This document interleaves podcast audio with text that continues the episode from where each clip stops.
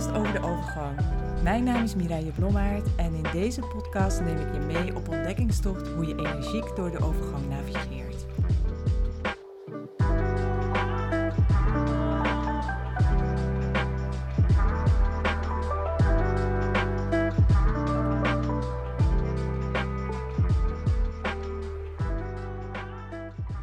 Welkom bij alweer een nieuwe aflevering van de Menocast.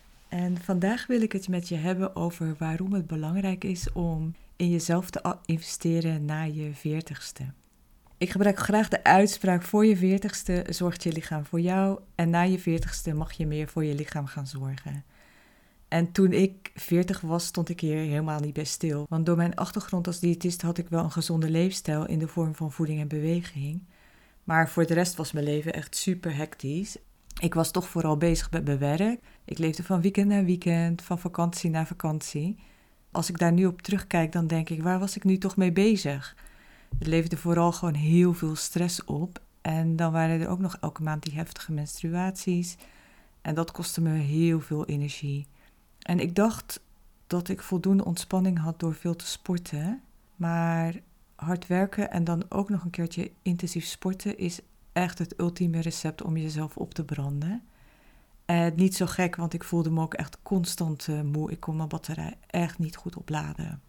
Als ik toen had geweten wat ik nu wist, dan zou ik het echt wel anders aanpakken.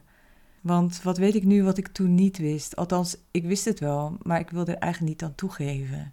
Want na je veertigste, dan gaat je herstel minder snel. En je herkent het misschien wel bij jezelf. Hè? Vroeger kon je best goed functioneren na een avondje uit of een paar nachten slecht slapen.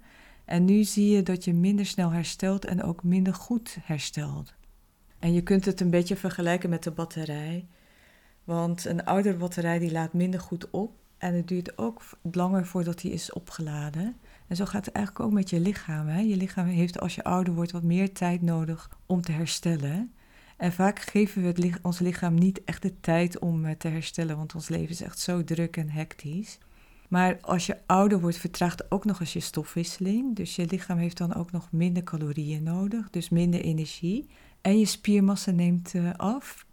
Nou ja, met als gevolg dat je makkelijker aankomt uh, in gewicht en je misschien daardoor minder gaat bewegen, dat je misschien vaker moe bent.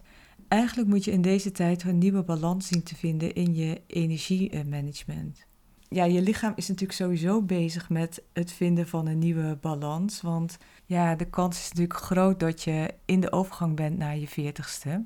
En de overgang die kost super veel eh, energie. Het geeft je niet heel veel energie. En ja, de overgang vindt normaal gezien plaats tussen ergens tussen je nou ja, 40ste en je 60ste. En het is niet een leuke boodschap, maar voor vrouwen is de overgang ook min of meer wel het beginpunt van ouder worden. Hè? Want tijdens de overgang daalt je oestrogeen, je vrouwelijke geslachtshormoon. En oestrogeen die speelt ja, een belangrijke rol in allerlei functies in je lichaam. Het heeft invloed op je huid, je verliest je jeugdigheid, uh, alles gaat meer hangen. Uh, er wordt ook wel eens gezegd, alles gaat meer hangen, behalve je tandvlees.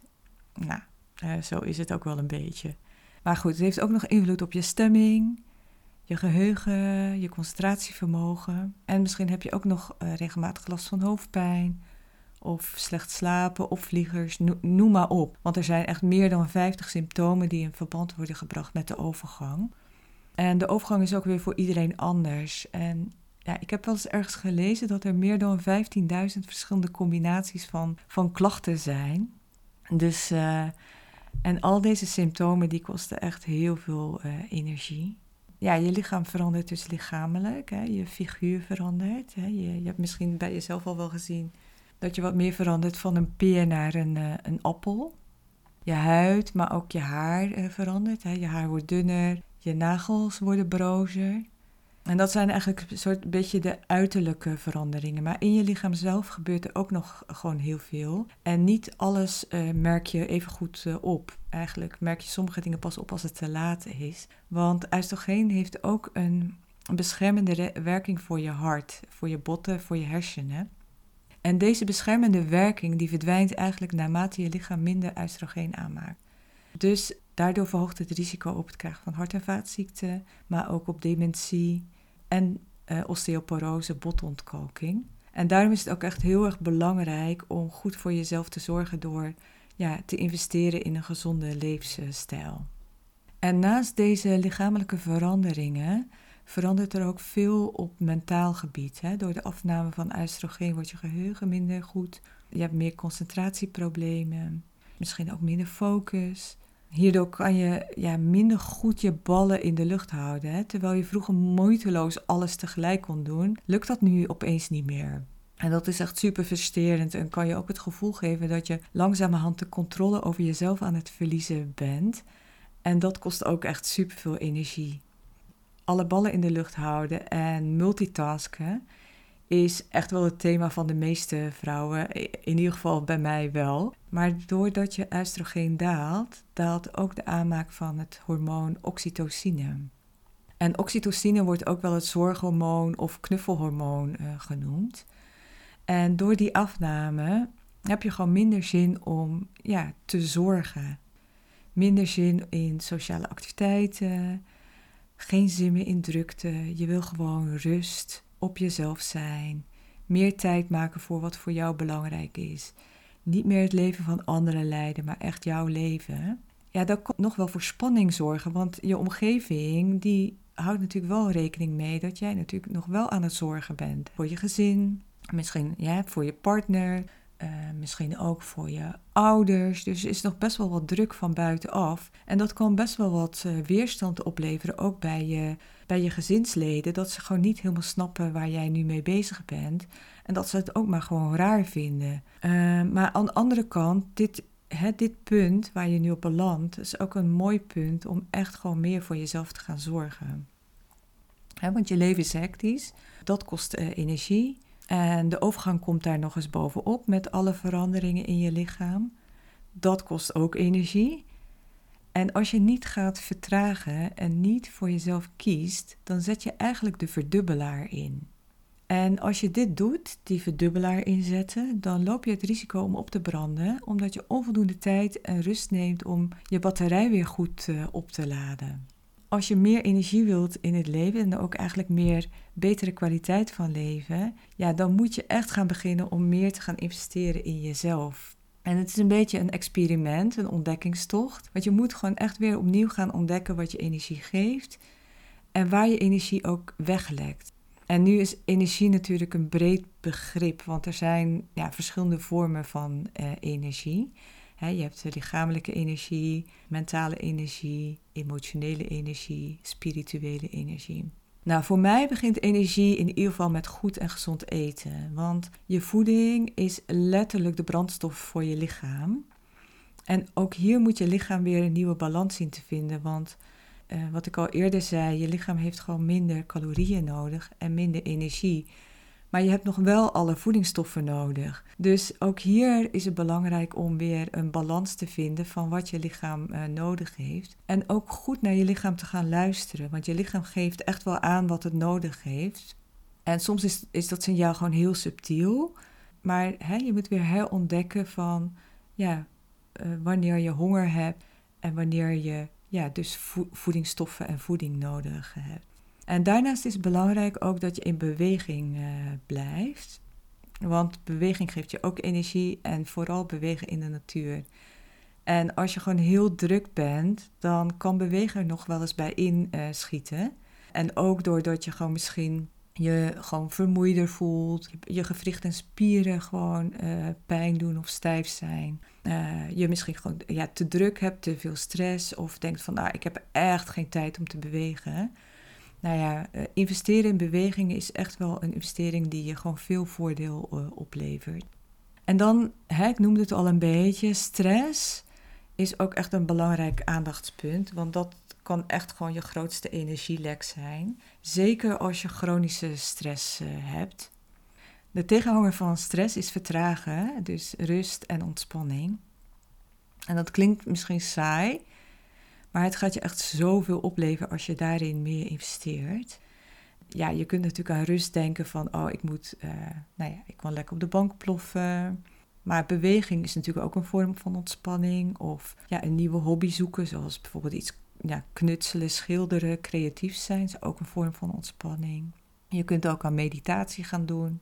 Of uh, ja, meer investeren in je ademhaling. Hè, dat kan je ook alweer gewoon heel veel meer energie en rust geven. Maar ik merk als ik hè, met vrouwen praat, ik merk dat ontspanning en rust inbouwen vaak gewoon heel lastig is. En ik heb me ook wel afgevraagd van waarom is dat uh, eigenlijk? En ik denk dat het komt omdat we heel veel moeten van onszelf. We moeten heel veel en daardoor leg je jezelf echt ook een enorme druk uh, op. En dat kost ook weer gewoon ontzettend veel energie. want als je gaat kijken naar wat het je oplevert als je meer uh, rustmomenten in je dag inbouwt, dan hoef je dus niet meer van weekend naar weekend te leven of van vakantie naar vakantie. Want je laat eigenlijk elke dag je batterij bewust op. Want je gaat beter slapen, meer energie, je wordt productiever, creatiever misschien ook. Ja, dat laatste heb ik vooral gemerkt. Door meer rust te nemen word ik gewoon veel creatiever. En uiteindelijk krijg je gewoon meer gedaan in minder tijd, waardoor je weer meer tijd overhoudt voor wat voor jou belangrijk is. Nu hoef je echt natuurlijk niet meteen het roer om te gooien, want dat werkt ook weer niet. Want als je grote stappen neemt, dan loop je ook weer het risico dat je in de valkuil stapt van het weer moeten. En dan bouw je ook weer druk eh, op. Dus begin met kleine stappen. En wat dat voor jou, hè, eh, dat is voor, het is voor iedereen anders wat die stap zou moeten zijn. Maar een tip die ik je hier aan het einde van deze aflevering wil meegeven is deze. Check je dag elke dag in en check elke dag ook weer uit.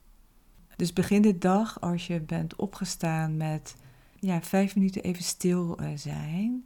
En te letten op je ademhaling. Dus niet meteen als een gek en een razende je to-do-lijst af te werken. Maar gewoon in alle rust te bedenken wat deze dag je gaat brengen. En check s'avonds voordat je naar bed gaat ook weer uit. Uh, door vijf minuten gewoon voor jezelf te nemen. Even te reflecteren op de dag. En op te schrijven ook waar je dankbaar voor bent. Want dan ga je ook met een positief gevoel naar bed.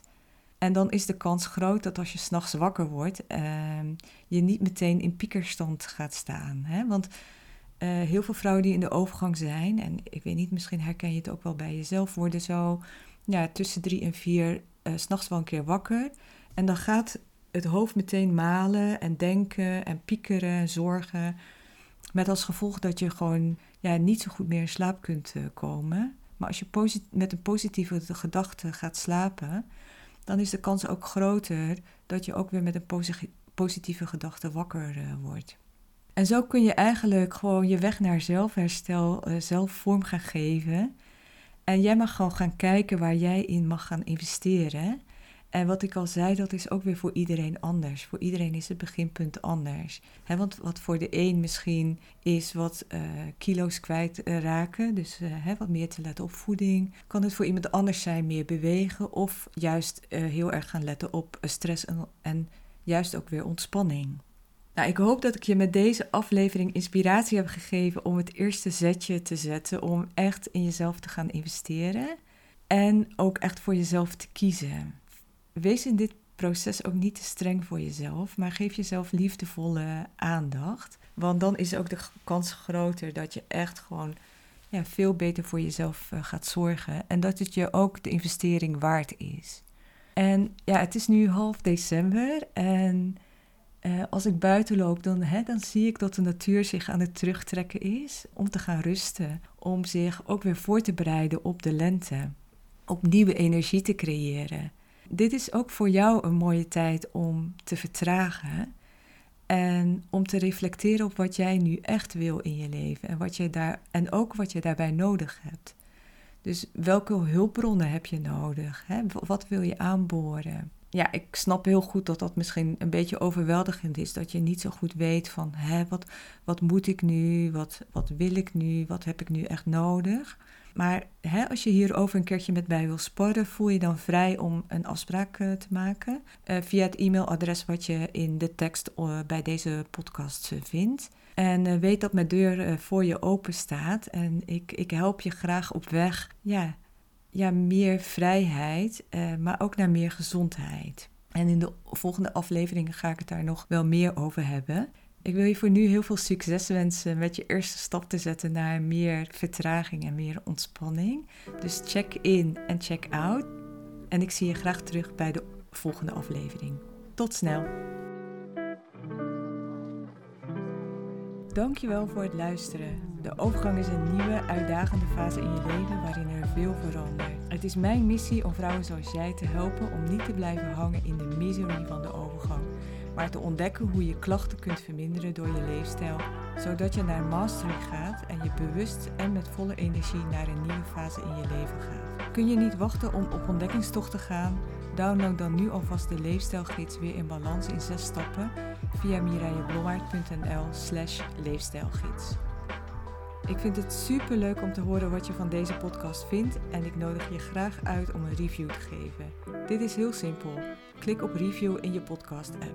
Wil je alle podcastafleveringen onder elkaar? Abonneer je dan op deze podcast. Klik in je podcast app op de button subscribe of abonneer en je ontvangt automatisch een bericht als er een nieuwe podcastaflevering verschijnt. Wil je meer inspiratie? Volg mij dan op TikTok, Mireille of word lid van mijn Facebook community Energiek door de Overgang. Hier deel ik dagelijks tips en tricks over de overgang. Nogmaals dankjewel voor het luisteren en tot de volgende aflevering.